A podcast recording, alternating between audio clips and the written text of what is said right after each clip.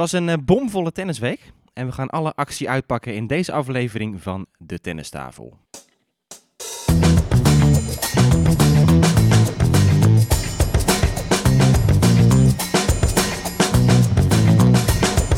Please take your seats quickly, ladies and gentlemen. Thank you.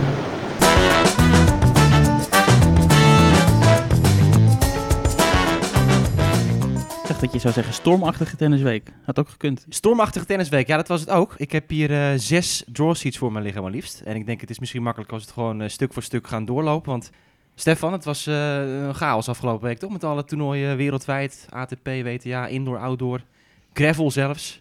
Ja, je vat het goed samen. Ik soms eh, zit ik nou weer naar te kijken. Ik zit, eh, ik zet de tv aan en ik krijg ik voorgeschoteld. Eh, heel veel publiek dat heel dicht op elkaar zat in eh, Frankrijk, vond ik. Vond ik heel rummelig. En dan weer eh, zonneschijn en bijna geen publiek. Het was echt van alles. Ik had ook het gevoel dat ik twee maanden tennis aan het terugkijken was of zo. Dat het, oh, dit was klaar. Oh, Ja. dan zetten we daar naartoe. En eh, ja. allerlei Ja. verschillende omstandigheden. En Maar ik Ja, heb ik op zeg elkaar nu wel genoeg gezien. en Felix heb ik ook wel genoeg gezien en zo. Ja. Tegen Rublev weer. Ja. Inderdaad. Ja, want wie was jullie man of vrouw van de week? Misschien eh, leuk om daar even Cameron Norrie. Oh ja, tuurlijk. Ja, ja, ja. De Norrie fanclub. Nee, Vorige week gestart door David. En meteen, nou ja, toch een bevestiging van wat je vorige Ja. week hebt uitgelegd. Ja, derde titel. We moeten hem serieus We hebben de derde titel binnen. We hebben een derde titel binnen. Cameron Norrie. Ja, Ja, nee, eh, goed. Delray Beach. Delray Beach. Van eh Opelka. Dat gaan we straks even, Ja, even doen. ja. Stefan, Ja, je jij, wil eens eh, kort een rondje doen. Ik vond eh Ostapenko. Ja. Moeten we echt noemen, want die route is bizar geweest Ja. natuurlijk. Ja, en mijn, eh ja, mijn Alcarazje. Alcarazje. Ja, Ja. dat is ook wel echt voor mij de, degene die eruit springt. Samen met Jelena Ostapenko. Zo. En laten we daar maar gelijk induiken, want bovenop mijn stapel ligt het WTA-toernooi van eh, Dubai. Vorige week hadden we het al gezegd, we moeten iets meer weer over de vrouwen gaan praten deze week, maar het wordt wel lastig. Want er was maar één eh, WTA-toernooi, verder vijf ATP-toernooien maar liefst in één week. Dus ja, die vrouwen komen weer een beetje... Maar die verhouding is echt het hele jaar toch al. Dat er zo weinig WTA's zijn in verhouding met ATP. De helft of zo, dat zag ik voorbij komen. Echt bizar. Ja, maar het is, het is echt bizar, want in Dubai ook en, en Doha, dat zijn altijd al sterke toernooien. Maar als je dus gewoon niet in de top 40 van de wereld staat, 50, kan je gewoon niet spelen eigenlijk. Dus dat is voor die vrouwen echt wel een, eh, een probleem. Ja, bijna de hele top 10 deed mee in eh, Dubai met eh, Sabalenka nummer 1 geplaatst, Krejcikova nummer 2. Maar Ostapenko, die Ja, heeft ja. het hele veld bij elkaar geveegd. Echt niet te geloven. Geweldig. Ja, maar alleen maar Grand Slam kampioens verslagen, toch? Ken in de eerste ronde, 6-1, 6-2. Toen tegen Sviontek. Kvitova heeft ze geklopt. Halep. Alleen in de finale dan niet. Dat was tegen uh, Kudermetova. Ja, geweldig. eh, ja, Ja, ik, goed, ik, ben, ik ben mijn leven lang al fan van, eh van Jelena Ostapenko. Waarom ben je dan al je hele leven fan van haar? Nou ja, omdat zij is gewoon ten eerste heel grappig op de baan. En de spel is gewoon geweld. Dat is gewoon het is Bomvol. bomvol, stormachtig en alles wat we net genoemd hebben. Persoonlijkheid ook wel een beetje. Ja, nee, maar zij... Ja, hoe moet ik dit formuleren? Ehm, zij vertegenwoordigt ook wat ik leuk vind aan het, tussen aanhalingstekens, oude vrouwentennis. Het elkaar niet het licht in de ogen gunnen. Als ik verlies, dan ligt het nooit aan de tegenstander, ligt het aan mij. Als tennisvolger, als entertainment, vind ik dat leuker dan wat we nu een beetje, waar we heen gaan met... Oh, we hebben allemaal eh, psychische klachten en laten we het allemaal daarover hebben. En natuurlijk, dat is ook heel belangrijk als je met de psycholoog reist en dat soort dingen. En zoetsappig en iedereen vindt elkaar aardig en lief. Doe mij maar dat ouderwetse van... eh, en ik ben de beste en als ik verlies, ja, dan heb ik eh pijn aan mijn arm gehad. En daarom werkt die podcast ook zo goed. Ja. Hoe jij erin staat. Nee, maar daarover op doorgaan. Zeker tegen Halep in die halve finale. Wat natuurlijk een Roland Garros finale was eh, een paar jaar geleden waar Ostapenko die doorbraak had. Toen zei ze ook voor die wedstrijd van ja, weet je, tegen Simona... Eigenlijk eh, heb ik niks te haar.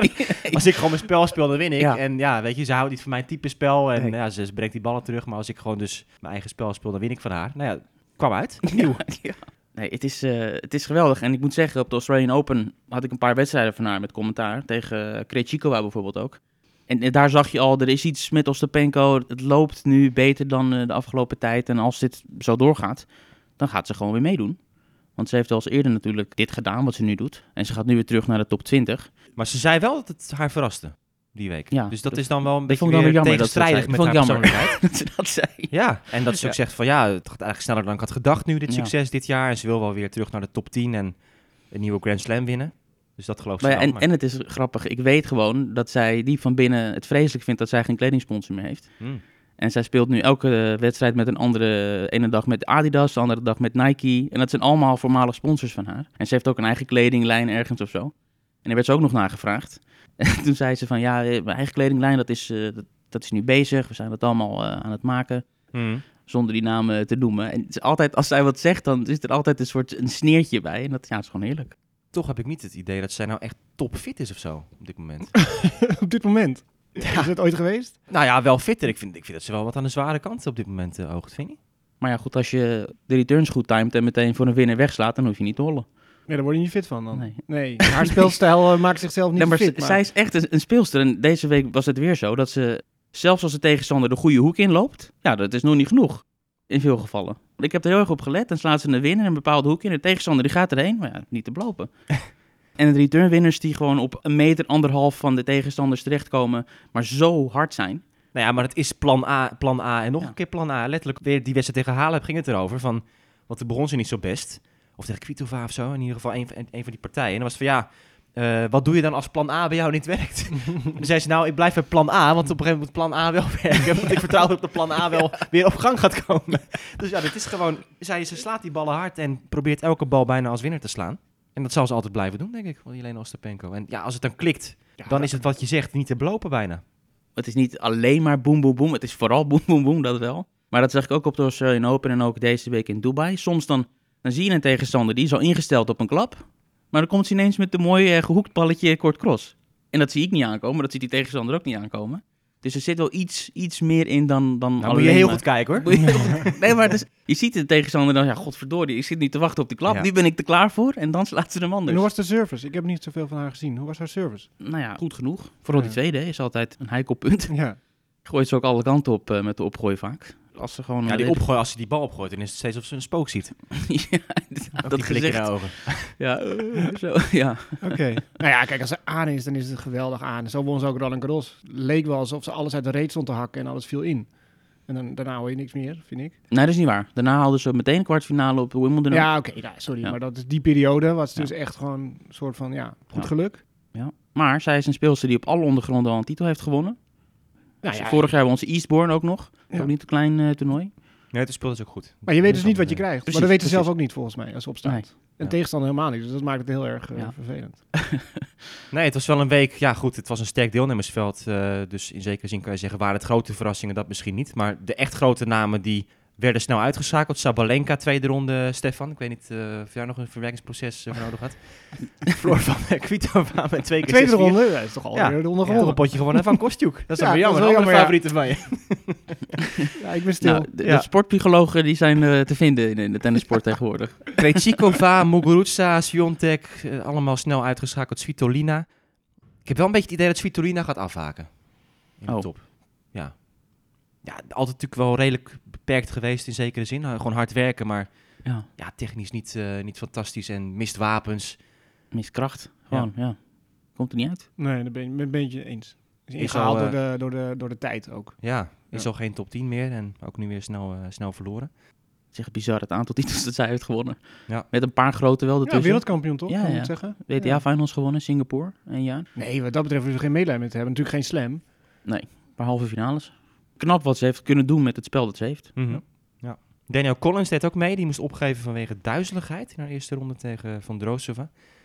Maar dit was... ehm, ja, het is altijd een beetje een gekke situatie daar, die toernooien in Doha en Dubai. Het ene jaar is Dubai een duizend series bij de vrouwen. andere keer is het, eh, is het Doha. Dus die roleren elk jaar. Dit jaar was Dubai dan een 500. En deze week in Doha krijgen we dan het eerste duizend series toernooi van het jaar. Bij de vrouwen alleen. En bij de mannen is nog even wachten tot, eh, tot Indian Wells. Maar dat waren de vrouwen dan. Dus dan gaan we nu toch naar, eh, naar heel veel eh mannentennis over. eh. Stefan, Rio, ATP 500 toernooi. Carlos Alcaraz. Ja, 18 jaar jong. Nu Titel in de gepakt. top, ja, nu in de top 20. Het is mooi om te zien, hè? Want eh, hij was 16 geloof ik dat zijn eerste titel won. Zie je een mannetje staan. en nu Nee, nee, dat was vorig jaar. Challenger misschien bedoel Ja, een challenger misschien. Ja, oké, maar zie je echt was nog een jochie. titel. En nu zie je hem sleeveless, gewoon, weet je, korte haar. eh, gewoon echt wel atleet staan. Echt sterk, man. Ja. Ja, en verbazingwekkend is dat hij pas twee toernooien heeft gespeeld dit jaar. Dus Australian Open en nu Rio. En nu Ja. trekt hij zich terug volgende week, want hij gaat terug naar Spanje, zich voorbereiden op de Davis Cup. Dus hij speelt ook heel weinig. Dus ik denk dat het er toch wel zuinig met hem zijn ook, want hij smijt met energie op die baan. Ja, is niet normaal. Om dat te temporiseren, dat vind ik Ja. wel heel slim. En presteren op het moment dat het moet dus. Hè. Als je speelt, dat je ook presteert. Dus dat is echt een topspeler in de maak. Dat, is, dat zagen Ja. we al vorig jaar of het jaar ervoor. Ja. Ja, komt het er ook echt wel uit hoor. Klopt. En eh, even samenvattend wat hij heeft gedaan daar. Hij won dus van Berrettini, nummer 1 geplaatst onder andere. Hij won van Fognini in de halve finale en van Schwartzman in de eindstrijd. En strijd bij dat uh, graveltoernooi dus in, eh, in Rio. En ja, wat je zegt, Stefan, kwartfinale... nee, wat was het? Vierde ronde Australian Open, dat hij van Berrettini verloor. In een tiebreak vijfde set. En nu wint hij dus van hem. En dat was, ja, ik heb best veel gezien van die partij. Je ziet gewoon dat hij zo compleet is. En Ja. dat je ook denkt van, hoe gaat Berrettini nou eigenlijk van hem winnen? Ja. En dat gebeurt dus. Hij pakt die tweede set Berrettini, omdat Alcaraz dan gewoon even het ritme kwijt is. En dat is natuurlijk nog een beetje de, de ongepolijstheid van zijn spel. hè? Af en toe Ja. dan heeft hij gewoon een hele, hele Ja. rare, eh, totaal mistiming eh, moment. Ja, maar ik, ik snap het ook gewoon Ja. niet. Want je kijkt naar hem en je denkt Ja. van hij is zo, zo steady en, en solid die slagen. En in één keer dan toch gaan die ballen alle kanten op. Dat je Ja. denkt, hè? En gewoon een set is hij dan kwijt. En dan, dan kan hij het ook wel weer oppakken deze keer. Ja, ik vind het zo knap ook de, de, de lengte in zijn slagen die hij heeft. Weet je, het is niet, de power valt op, maar het gemak waarmee je consequent gewoon die ballen binnen een meter van de baseline eh, legt. Dat, dat vind ik heel eh, typisch aan zijn spel ook. En die ongeëvenaarde energie, ja, dat is natuurlijk waar ze ook steeds die, die Nadal-vergelijking mee maken. Dat hij zo'n brok energie is op de baan. En waanzinnig snel, vind Ja, ik hem. En, klopt. en niet bang om naar voren te gaan. Dat heeft ook nog best redelijke handjes. Ja. Aan het net. Veel dropshots laat hij ook eh, graag. Klopt. Totaalpakket. Maar ja, wat doet zo'n Berrettini nou even op gravel? Ja. Maar we Ja, gaan dat het heel, Check ophalen. Ja, dat is duidelijk toch? Eén Ja. toernooi Eén op gravel. toernooi op gravel en nu gaat hij, eh, gaat hij weer terug. Nou, is zo goed recht. Ja, natuurlijk, het is werk, dus hij mag gewoon doen wat hij wil. Ja. Maar ja, het is wel overduidelijk dat dit niet is eh, om punten te Nee, halen. hij won één wedstrijd daar en toen verloor hij van, eh, van Alcaraz inderdaad. Maar eh, ja, het was ook het was een hele rare week. Het is altijd een, een aparte week in Rio de Janeiro. Valt veel regen meestal ook tijdens dat toernooi. En dat heeft ervoor gezorgd dat bijvoorbeeld Schwartzman... die moest vijf en een half uur op één dag spelen. Twee wedstrijden in, eh, op de zaterdag in de halve finales en de kwartfinales... die hij dus moest eh, uitwerken nog. Ruim drie uur tegen Andujar. 3 uur 33 volgens mij. En toen nog later terugkomen voor een halve finale tegen zijn landgenoot Serundolo. Dus ja, je zag Schwartzman in de finale ook wel een beetje uitgeblust in die tweede set, eh, vooral tegen Alcaraz. Maar ja, neem iets weg van de topprestatie van, van die Spanjaard. Tweede titel. Ja. Had vorig jaar al eentje. Oemag, geloof ik. Ja, klopt. Dus die, die komt er echt aan. Een van de vier jongste spelers in de top 20 sinds de jaren 90, begrijp ik ook. Dus Ja, een 18 maand jonger dan Nadal, eh, Ja. die de top 20 haalt. precies, Ja. die zit ook in het lijstje inderdaad. Iemand die had nog een eh beetje flauw tweetje, maar het was zo grappig. Alcaraz die heeft nu eh, meer ATP 500 toernooien op gravel gewonnen dan Federer en Djokovic bij elkaar. Ik dacht, ik ging zeggen meer 500 titels dan Tsitsipas, want die heeft ook nog geen, eh, ja, geen nee, 500 dit, dit, dit was nog erger, nog extremer. Volgende sheet, daar heb ik eh, de Doha bij de mannen liggen. We hebben echt een agenda, zie je dat? Ja, Zo hé. Ik heb een Ik nooit, eh, ik ben Ja. verbaasd. nee, we nemen het serieus op. moment. Maandagochtend, we zitten hier op de NTC, ik zie zo'n whiteboard erachter. Dus dan ga je nog opstaan, dat dan ga je nog... ja, bij NTC. Ja. Ja. ja. We gaan, de ra- we gaan de raakpunten zo meteen analyseren. Oh jeetje, Ja. mine, ja. Ja, de raakpunten van Bautista Agut in Doha, die waren eh, behoorlijk goed. Want die heeft daar de titel gepakt. Ja, begin van de week won hij van Murray met 6-1, 6-0. Ja. Of 6-0, 6-1. Dat was echt eh, Pijnlijk ja, hè? pijnlijk voor, eh, voor Murray. Maar hij bleef heel de week gewoon echt eh, fantastisch spelen. En heeft, ehm, het was het zijn tiende titel gewonnen daar. Ja. Was het niet een kopie van de finale van vorig jaar? Toen verloor Toen hij van, van- Basilashvili in de eindstrijd. Het was toen de comeback van, van Ja. Federer die week. Dat Die verloor van Basilashvili, Basilashvili eh, toen, ja. daarvan won. Ja, Botek deed mee natuurlijk. Verloor van Marin Cilic. Stefan, die wedstrijd heb jij eh, goed bekeken. Ja, kijk, we zijn er dan wel teleurgesteld dat Botik dat verliest. Maar hij staat wel tegen Marin Cilic. En het zegt ook wel iets over de status die Botik zo snel heeft gekregen... dat we teleurgesteld zijn dat hij die pot verliest. Ja, je Ja. kan teleurgesteld zijn op de manier waarop hij verliest. Precies, dat Ja, wil dat ik het, zeggen. Dat was het vervelende, ja. Ja, want wat was de score exact? Ja, 6-3-7-5. Ja. 5-2 voor, tweede set. ja. Ja, Ja, maar het was de houding ook. Ik vond zijn houding zo negatief. En ook al stond hij die break voor, de tweede set, je, je keek naar hem en je dacht, van, ja, maar hij gelooft het helemaal niet. Dat hij dit gaat winnen. Ja, maar dit is dus wat er gaat gebeuren. Dit wisten we eigenlijk van tevoren wat er gaat gebeuren. Je gaat veel minder wedstrijden spelen. Ja. Je gaat veel minder wedstrijden winnen. Want je speelt een niveau hoger dan zeg maar vorig jaar. Hè, de Challenger Tour en zo. Ja, en wat doe je dan? Dan ben je op dinsdag uitgeschakeld. En dan is het een lange week daar weer zijn. Hè? En dan weer trainen en doen. En dan ligt de druk bij de volgende wedstrijd, waar hij nu tegen Harris gaat spelen, dan is die weer groter. Want stel je voor, die verliest hij ook. Nou, dan heeft hij die trip helemaal naar eh, het Midden-Oosten gemaakt. Drie potjes gespeeld. Een hele andere dynamiek. Ik, ik weet niet zozeer of het, of het niet geloven is hoor. Dat is niet dat ik zag, dat hij het niet geloofde. Het was meer gewoon dat hij, dat hij van elk klein dingetje of elk foutje of elk moment gewoon dat opblaast tot een heel, eh, heel ding. Nou, maar die partij ervoor speelde tegen die Fabiano, de Ja. qualifier, de kleine Italiaan die hem totaal geen pijn kan doen. Maar hij stort ook daarin, hè, in de tweede set, bood ik. En dan trekt hij nog in die tiebreak eruit. Maar zijn service was opeens helemaal weg. Zijn slagen waren weg. En dan is het vertrouwen ook meteen weg. Dus het is wel een beetje wiebelig nu op dit moment. Ja, het, die, die week in, eh in Ahoy ervoor met die tegenvaller, dat hij ehm, ook daar instortte natuurlijk tegen Lehechka, die wedstrijd. Ja, misschien is het toch wat je zegt, die druk. Want elke wedstrijd is nu... Er staat zoveel eh, belang bij. Ja, maar wel raar dat je dat tegen Cilic zo voelt. Ja. Toch? Dat was juist aan de wedstrijd dat je denkt, oké, weet je, Cilic is goed begonnen aan het jaar, eh, vierde geplaatst hier in, in Doha. Mooie naam om te pakken misschien, weet je, als je gewoon echt ervoor gaat en, en gelooft. En... Ja, maar ik denk dat Botik niet zo snel over het net kijkt. Die is zo erg met zijn eigen Mhm. slagen bezig. En als hij Ja, gewoon ja. aan is, net als Ostopenko, Zegt hij ook altijd, hè? is hij zo goed. Als, als ik mijn dingen goed doe, dan, Ja. dan vind ik eigenlijk dat ik eh, moet winnen. Maar dat legt dus ook wel een, een druk op jezelf. Dat je eigen niveau moet zo goed zijn. En dan, ja, het is logisch, je hebt de grootste kans om te winnen. Maar dan maakt het niet uit of het Silic is of Fabiano is. Maar eerlijk is eerlijk, wij hebben hem van dichtbij nu bekeken ook. Ik heb het gevoel ook wel dat als die aanstaat, dan dat hij moet winnen. Van heel veel spelers, toch? Zo indrukwekkend is het. Ja, kan winnen in elk geval. Ja. Ja. Ja. het is echt wel mentaal nu, denk ik, dat hij de stap moet gaan maken. Maar dat was toch ook een uitspraak. Iemand deed het in Ahoy over Botik. Tsitsipas, toch? Die zei iets over Botik. Van dat hij eigenlijk vindt dat hij nog veel verder zou moeten zijn in zijn Ja, eh, carrière. Tsitsipas, Of veel meer in, ja. meer in huis heeft.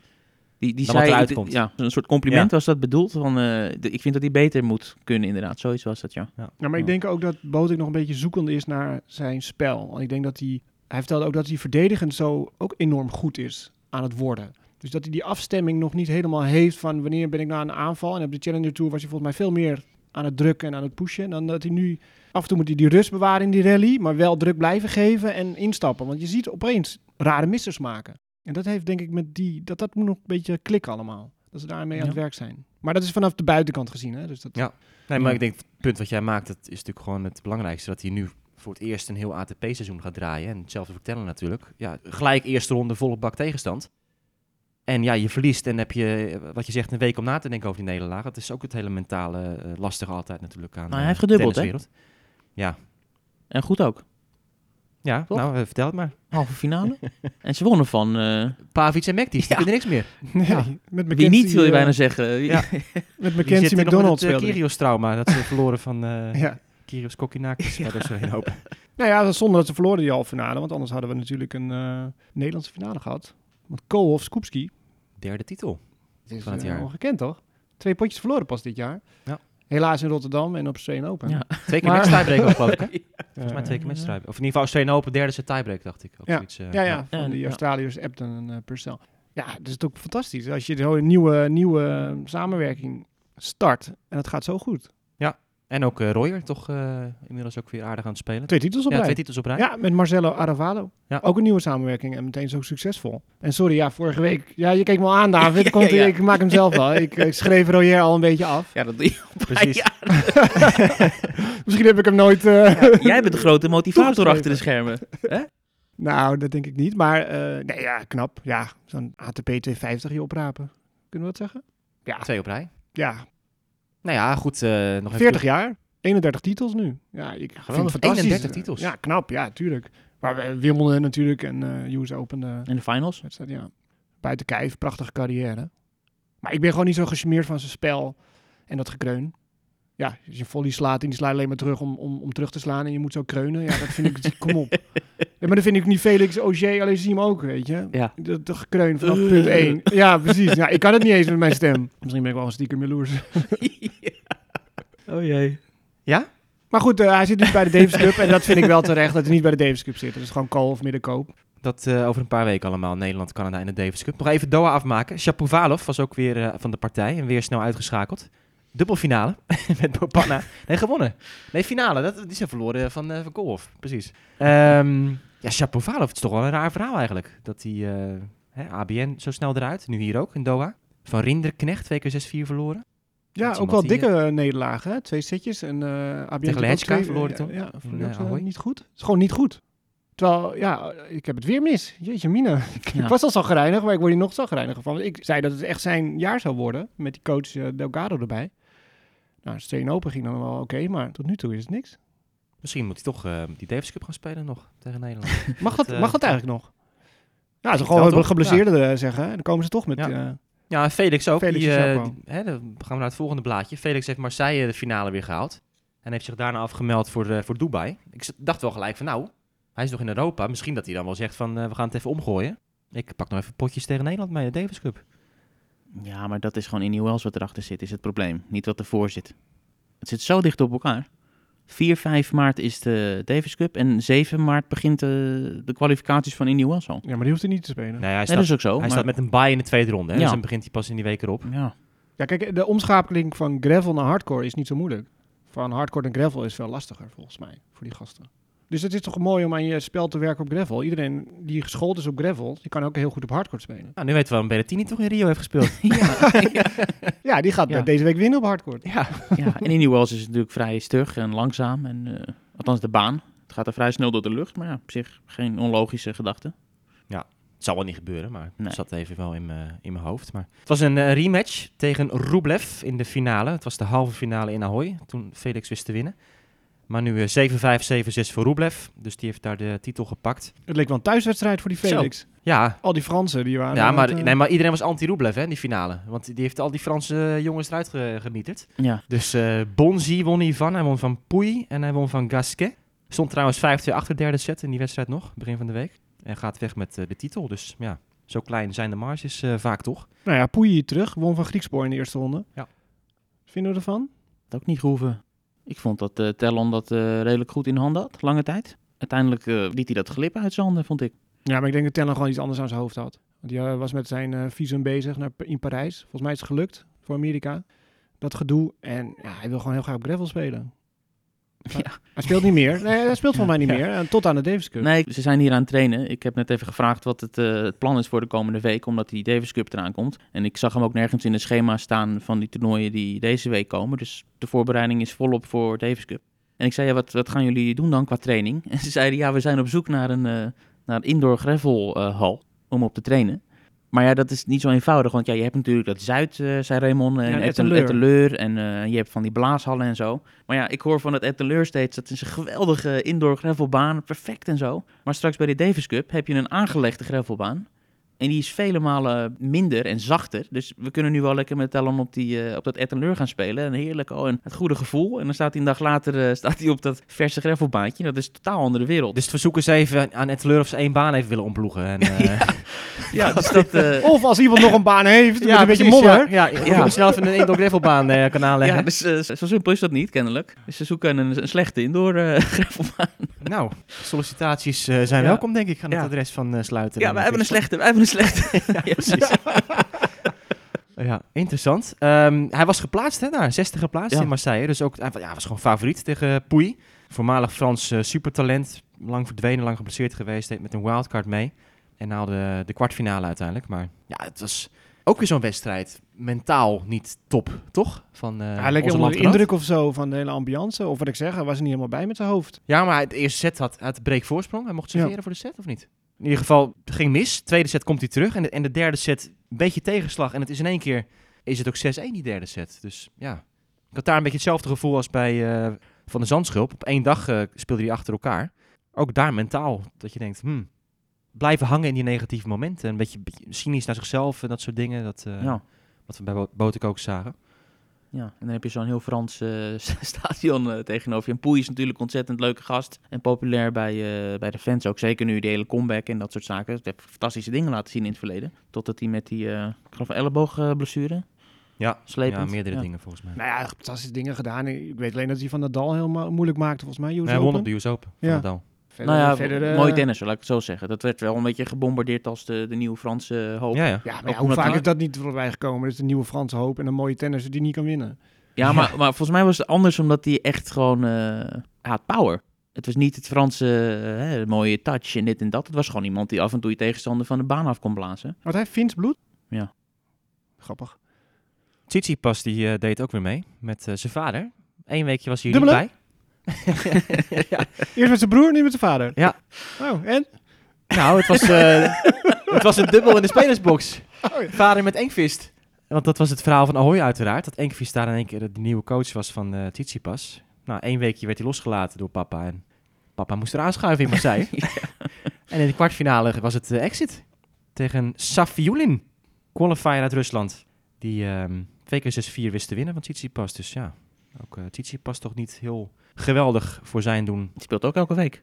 Ja, Acapulco staat hij ook weer in het schema. Ja, ik, ja. ik weet Ja. niet, ja. Het is werk. Ik bedoel, ja, we werken er ook elke week. Ja, maar ja, dat is ook zo. maar ja, je hebt toch vaak bij die top 5 spelers wel zoiets van... we gaan een beetje opbouwen richting de bepaalde toernooien om daar te pieken. En eh Tsitsipas die zit er kennelijk anders in. Ja, nee, die ligt toch niet wakker van, eh wat is het, kwartfinale verliezen in Marseille, prima toch? Ja. Telt niet eens mee voor zijn ranking straks. nee, maar ja, het is niet zo best, toch? Dan moet ik zeggen, die Savjulin, waar hij van verliest... die heeft wel op de ATP Cup eerder dit jaar al wat laten zien. Ik dacht heel even, dit wordt de Karatsev van dit jaar. Dat is niet helemaal uitgekomen. We? ja, precies ja. Ja. nou ja, hij deed wat Karatsev ook deed vorig jaar op die... eh, op Niet die eruit knippen. ATP. Nee, nee, nee. Kijk, nu moet je het erin laten. ja. Ja. Eh, nou ja, prima speler, maar eh, ja, daar hoort Tsitsipas niet van te verliezen. Nee. Nee. Natuurlijk wel, dat kan toch. Ik vind het helemaal niet zo schokkend. Hij was in Rotterdam, nou dat is mooi, daar, daar speelt hij als de grote man. En dan Marseille pakt hij even mee en dan gaan we verder. Wat heeft hij eraan, volgens jou? Ja, Die gewoon een makkelijk, 30.000, makkelijke eh, werkweek. Ja. Ja, ik ben in de buurt, ik pak een treintje, eh, we gaan even langs, ik speel twee potjes. En we gaan naar het serieuze toernooi, volgende week, die week daarna. Zo denk ik dat die gasten denken hoor. Het startgeld misschien. eh, Ja, nou ja, Ja, dat speelt sowieso Ja. natuurlijk ook mee. Je zal daar een mooie prijs hebben gekregen om daar te, te spelen. Nou, laatste toernooi dan maar van de week. Eh Delray Beach. Cameron Norrie. David. The floor is yours. Ja, kom maar op. Wat moet ik erover zeggen? Behalve dat eh, de festiviteiten eh, in volle gang zijn, eh, de fanclub bij Cameron Norrie. Die dus won van die Opelka, die de week daarvoor ook al heel goed speelde en nu weer een finale haalde. Ehm We roepen dit al langer hè, dat hij een goede speler is. Norrie. Ja, dat Nee. roepen we al langer. Nee, elke keer als ik hem aanpakte, dan knikten jullie instemmend. Niet? Nee? Nee? Nee. Jij bent- we tipte hem vorig jaar nog om van Federer te winnen, weet je nog, op Wimbledon. Oh ja, Nou, dat was we onzin. toen Nou, dat was onzin. Jij bent jij en wij zijn wij. Ja, maar dat was natuurlijk een onzinnige uitspraak destijds. Dat die van Federer gingen winnen. Nou, het eh, scheelde niet veel of de comeback werd ingezet in die wedstrijd. Maar goed, laten we daar even niet over uitweiden. Wimbledon 2021. Wat was precies de route van Norrie naar zijn titel? Is dat zo belangrijk? Ja. gaan we- Oscar Otte. Om mee te beginnen. is dat zo? Nou ja, dan kun je wel even zeggen hoe, Ja. hoe waardevol Ja. die eh, titel is. challenger was, toch? Ja. Ja. Sebi Corda daarna. Nou, netjes. Dus hij heeft het geplaatst. Ja, het is wel een eh, echte, En Ah. toen, dames en heren, echte speler om in de gaten te houden. Dat Ja, ja, ja. even langs. Corda. Amerikaans talent. Tommy Paul. Nou, kijk. Het Jongens, was jouw toernooi, Dit was David. mijn toernooi, ja. Ongelooflijk. Het was de halve Paul. finale. Nog verdikkie, ja. 6-3, 6-3 Sowieso. voor, eh voor Cam. Oh. Het valt van je stoel. Ja. Jongen, jongen, die fengel Ja. niet te geloven. 7-6, 7-6 vervolgens eh, van Opelka. Verrassing jongens, twee tiebreaks tegen, tegen Riley Opelka. Radio Pelka. Nou, hij maakt zijn status waar, hè? eerste geplaatst. Je hebt een toernooi en wordt Cameron Norrie als eerste geplaatst. Nou jongens, ticketverkoop. Maar krijgt hij nou die beschadigde been mee, of niet? Ja, misschien. Ja, dat was wonderlijk. Dat Ja, was wel stond, het moment van de week daar natuurlijk. Met ehm, de autosponsor. Ja, waanzin toch? Ja, die stond iets eh, te dicht op de baseline. Ja, dus er staat die auto, die, die stond gewoon op de baan in de hoek. Ja, maar goed, dat kan wel als er eh 20 meter eh, uitloop is. Ja, maar dat was daar niet. Nee. Als je even moest rijken naar je Het was een service return toch? En die slaat zo de spiegel er bijna af. Ja, Ja. Stefan Kozlov was dat eh, voor de duidelijkheid, die dat deed. Wonderlijk. Wie parkeert hem nou ook? Ja, Medvedev. Ja, Medvedev die haakte gelijk in via social media, want die wordt gesponsord door dat, eh, door dat automerk. Die zeggen, hey jongens, eh, prima dat je, dat je voor schade zorgt, maar niet met een BMW. ja. Ja. Ja, Nee. dat was eh Delray Beach. Er waren ook wat aparte gasten daar, hè? Ja, Venus Williams. Venus Williams, Serena Williams kwamen kijken. Ja, voor Pelka natuurlijk. Ja. Zijn beste maatjes. Klopt. Ja. En Venus en Opelka die gaan vaak naar musea samen, begrijp ik. Grappig duo, ja. Ik, ik zag dat, eh was er alweer een week ervoor, dat Opelka kreeg een eh, waarschuwing of een Ja. boete of zo. Dat hij zijn pet had opgehouden bij Ja. de prijsuitreiking. Ja. Stond op het formulier. Klopt. Ik vind het zo'n vermoeiende vent. Zo verongelijkt altijd en de hele wereld eh, tegen hem. En elke keer weer die ATP. eh, Nou ja, nu zit hij te Aanvallen. zeiken dat het prijzengeld eh, te weinig is. En dat die Gaudenzi maar eens eh, uit zijn huis moet komen. ja, weg is, is te, te druk bezig met niet zijn eigen salaris korten, maar eh, onze ATP-spelers geld laten inleveren. Oké. Dat was hem. Knotsgekke tennisweek. Zijn we er al? Volgens mij wel. Zes toernooien. Kunnen gaan vooruitblikken. Jongen, jongen. Komen we terug bij de vrouwen, David. Ja, WTA-toernooi van Doha. Pagina wordt omgeslagen. pagina wordt omgeslagen. Vertel maar. Ja, iedereen doet daar mee. Iedereen doet mee. Minus Barty. Want Barty die, eh, is verwikkeld in een groot schandaal. Stef, misschien eh, Oh. eindelijk Oh jee, Ja, ja, ja, gaan we weer. oh jee, ik zie hem opveren. Ja, groot schandaal. Mensen moeten weer even goed eh Ja. stabiel gaan Ja, zitten. ja, ja. Wat komt Nee, maar- met een bommetje Ste- Oh jee. Stefan die is altijd eh, eh, van, die, die heeft geen uitstraling en er is niks interessants aan, eh, aan Barty. Maar ja, die is nu, eh, Ja, komt die ie. is nu ondergedompeld in, eh, in het alcohol. Jongen, jongen. Ashley Barty. Ja, die eh, heeft een heel probleem omdat zij kennelijk na de Australian Open overwinning met een biertje is verschenen in, eh, in de studio. De studio. 9TV, hoe Ja? Australische, Australische zender. En dat is een ontzettend slecht eh, signaal naar de jeugd. Dat ze daar met bier gaat zitten. Ja, het is zoveel uitspatting, dat kan natuurlijk niet. Ik weet niet wat wij vorige week deden. Een biertje Ja, nou die podcast op. maar Moeten er werd nog- vrezen? Ja, daar werd toch een heel ding met, eh, is dat een, een sponsoractie of zo, zou zij dan door dat eh, biermerk gesponsord zijn om daar te gaan zitten. Nou, dat is ontkend en ontkracht inmiddels. Ehm, maar ja, het werd helemaal opgeplaatst tot, eh, tot een slecht voorbeeld voor de jeugd. En dat werd da- dan weer gereageerd van, ja, ze zat daar gewoon met een biertje en ze nam een slokje. Het was, het was geen uitspatting, zoals je zegt, van onverantwoord alcoholgebruik of wat dan ook. Ja, volgens mij Ja. nam Kiergiors een biertje op de baan. Weet niet. Ja, Een slokje van een fan naar de dubbel. Bij deze, zelf misschien een, een randje, een randje bij, eh Ik bij heel Barty. zoeken hoor, Ja. met een eh, zaklamp. jongen, jongen. Maar zij ze dus niet. Nee, die is eh, aan het uitrusten. Ja. Maar goed, het is natuurlijk leuk dat al die sterren er zijn. Maar waar kunnen we het zien? Ja. Op Ziggo. Ziggo. Nou, kijk eens weet ja duizend. Oh, natuurlijk, die wel, ja. Maar van de week was het weer zoeken. Je hebt gelijk. Nou, dat is mooi. Dat is positief nieuws. En eh Aranska Rus, Ja. Lucky Loser, Lucky loser. mag meedoen. Tegen? Kudermetova. Oeh, finaliste van, Finaliste eh, in Dubai. van afgelopen week. Die won de dubbel, die verloor de single. Dus die is Ja, het, is voor. voor, het is voor Rus ook een beetje het verhaal, hè, wat met, met, Botik en eh Tellen besproken hebben. Dat ze natuurlijk nu die toernooien allemaal gaat spelen, die grote toernooien ook. En ehm, ja, minder wedstrijden zal gaan spelen waarschijnlijk dit jaar. Dus het moet gelijk moet het goed gaan. En ja, dan heb je gelijk een Kudermetova en is het, eh, Lastig verhaal. is het lastig verhaal. Ja. Ja. Ja, maar die kan ook veel missen, hoor. Koedemetova, vind ik. En Radska moet het wel een beetje hebben, wat doet de tegenstander? Niet zozeer wat ik zelf. Ja, maar ik heb bij Kudermetova is wel denk ik even die range wat voor Rus niet haalbaar is om van te winnen. Nee, maar ik zie bijvoorbeeld zo'n Rus eerder winnen van een Ostapenko en een Sabalenka. Hè, dan van, nou ja, Svitolina. Die we net afgeschreven Mhm. hebben. Nee, goed, dat is het eh, grootste toernooi van deze week. Het eh, vrouwentoernooi van, eh, van Doha. Maar als de luisteraars deze podcast eh, aan het luisteren zijn, dan is ook al bekend wat eh, Novak Djokovic heeft gedaan bij zijn rentree tegen Lorenzo Musetti. Nou, ik ga mijn best doen om dat voor die wedstrijd eh, online te krijgen. Oh, Het is de tweede avondpartij op maandag. Misschien gaat het lukken. Ja, maar of de luisteraars ook gaan luisteren, dat is... Dat is inderdaad een goede vraag. Ja. Maar goed, Djokovic moet het misschien niet per se hebben over zijn tennis, maar over het interview dat hij heeft gegeven. ja. Groot interview met de BBC. Wat sprong eruit voor jullie?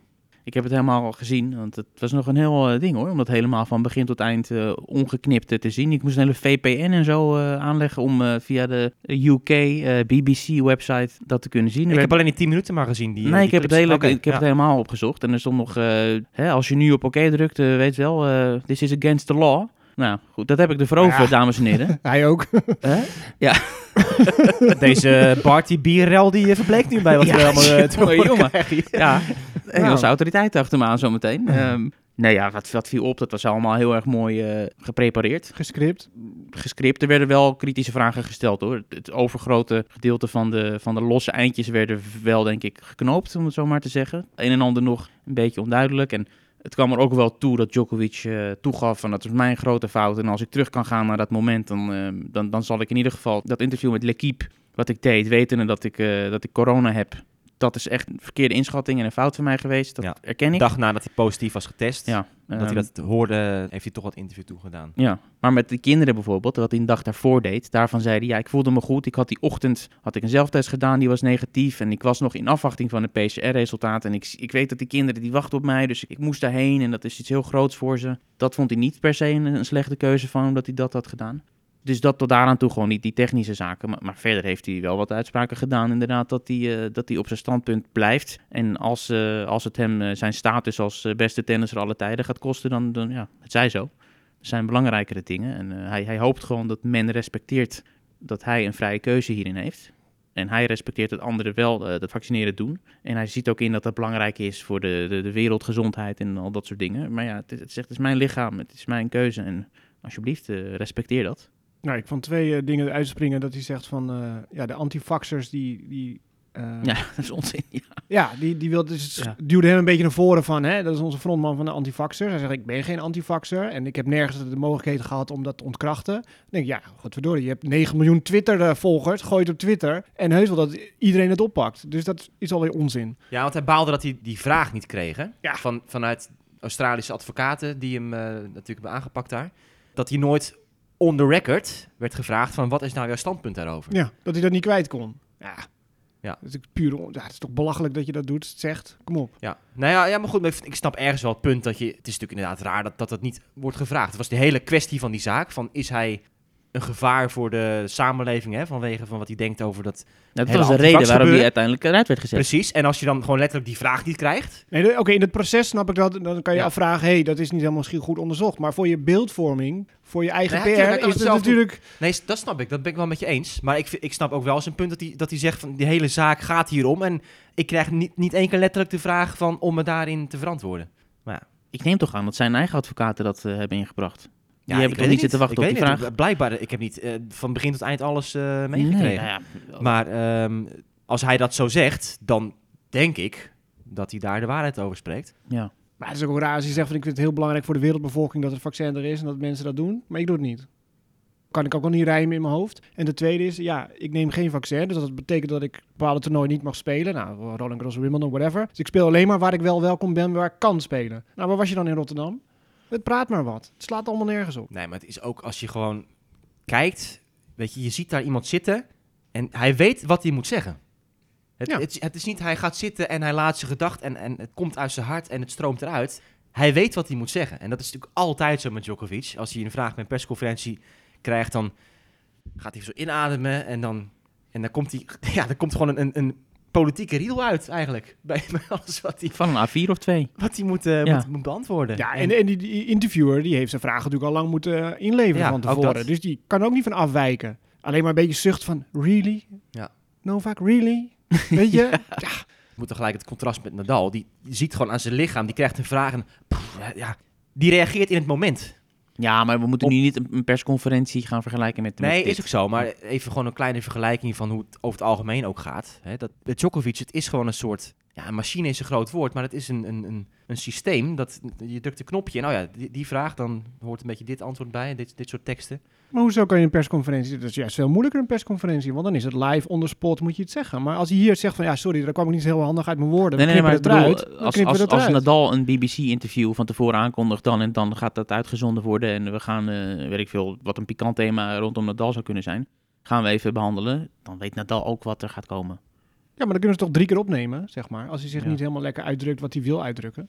Nou goed, het gaat gewoon even puur om de, hè, hoe natuurlijk komt iemand over in zijn antwoorden en reacties. En ja, ja Djokovic is, eh, is daarin toch wat anders, laten we zo zeggen. Nou ja, goed, en hij is wel bespraakt genoeg om dat eh, Tuurlijk, te hij is, hij is super wel bespraakt. Ja. Maar nogmaals, hij weet precies welke woorden hij moet gebruiken, wat hij moet zeggen. En Nou ja, en er kwam nog een ander artikel eh, rondom dit eh, naar buiten. En dat was even een herinnering aan die vorige episode met Djokovic in 2017, 2018 rondom die elleboog. Hebben we wel eens eerder aangekaart. Hoe dat destijds ging, toen hij dus ervoor stond om, om die elleboogoperatie te doen.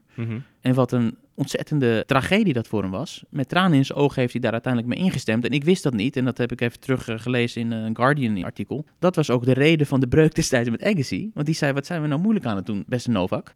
Het is niet zo serieus wat je hebt aan die elleboog. Opereren en hup, dan kunnen we weer verder.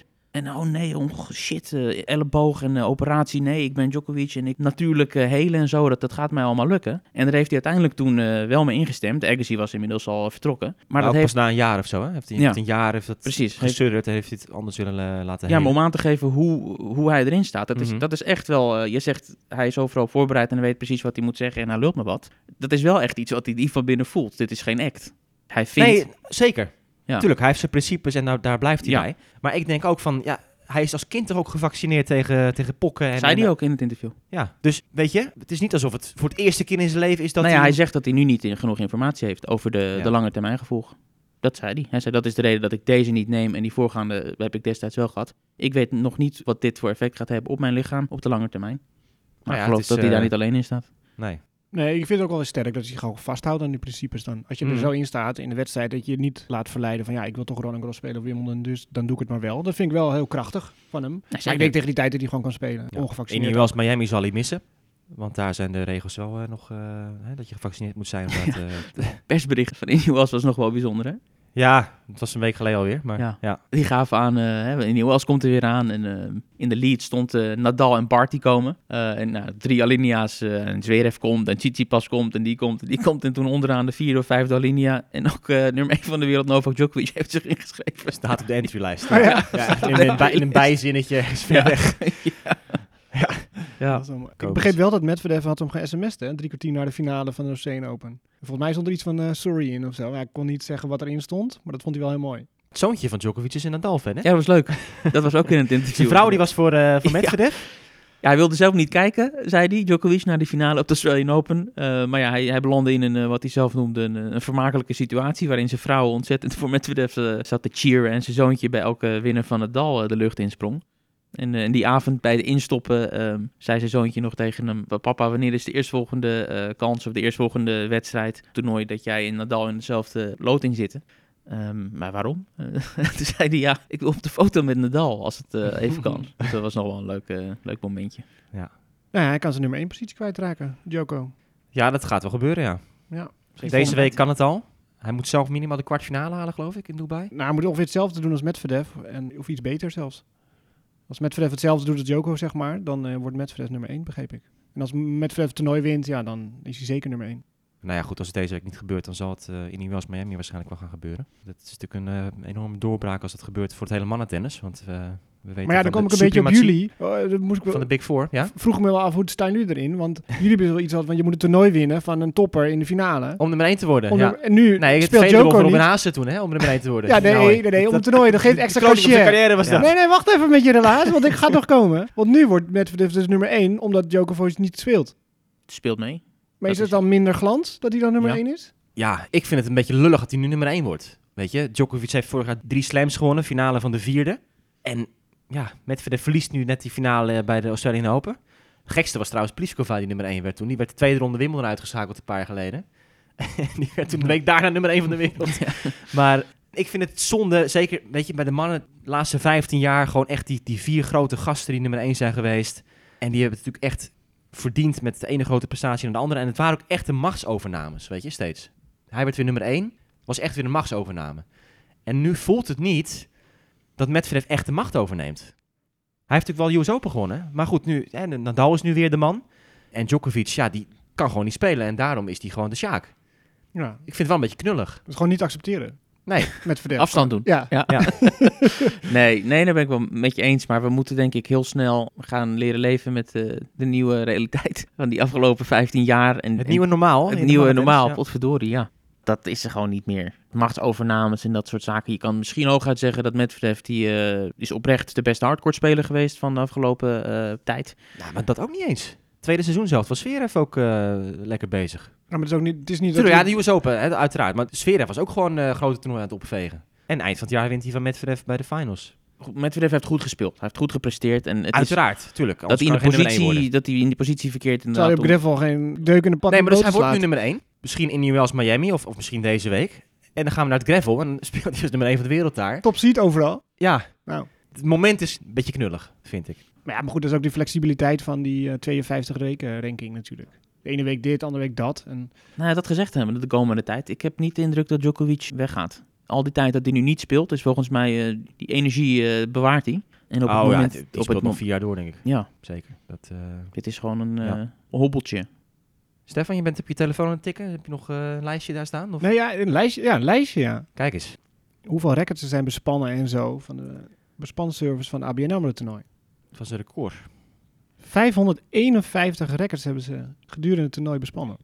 En dat is eh 6612 meter aan snaren.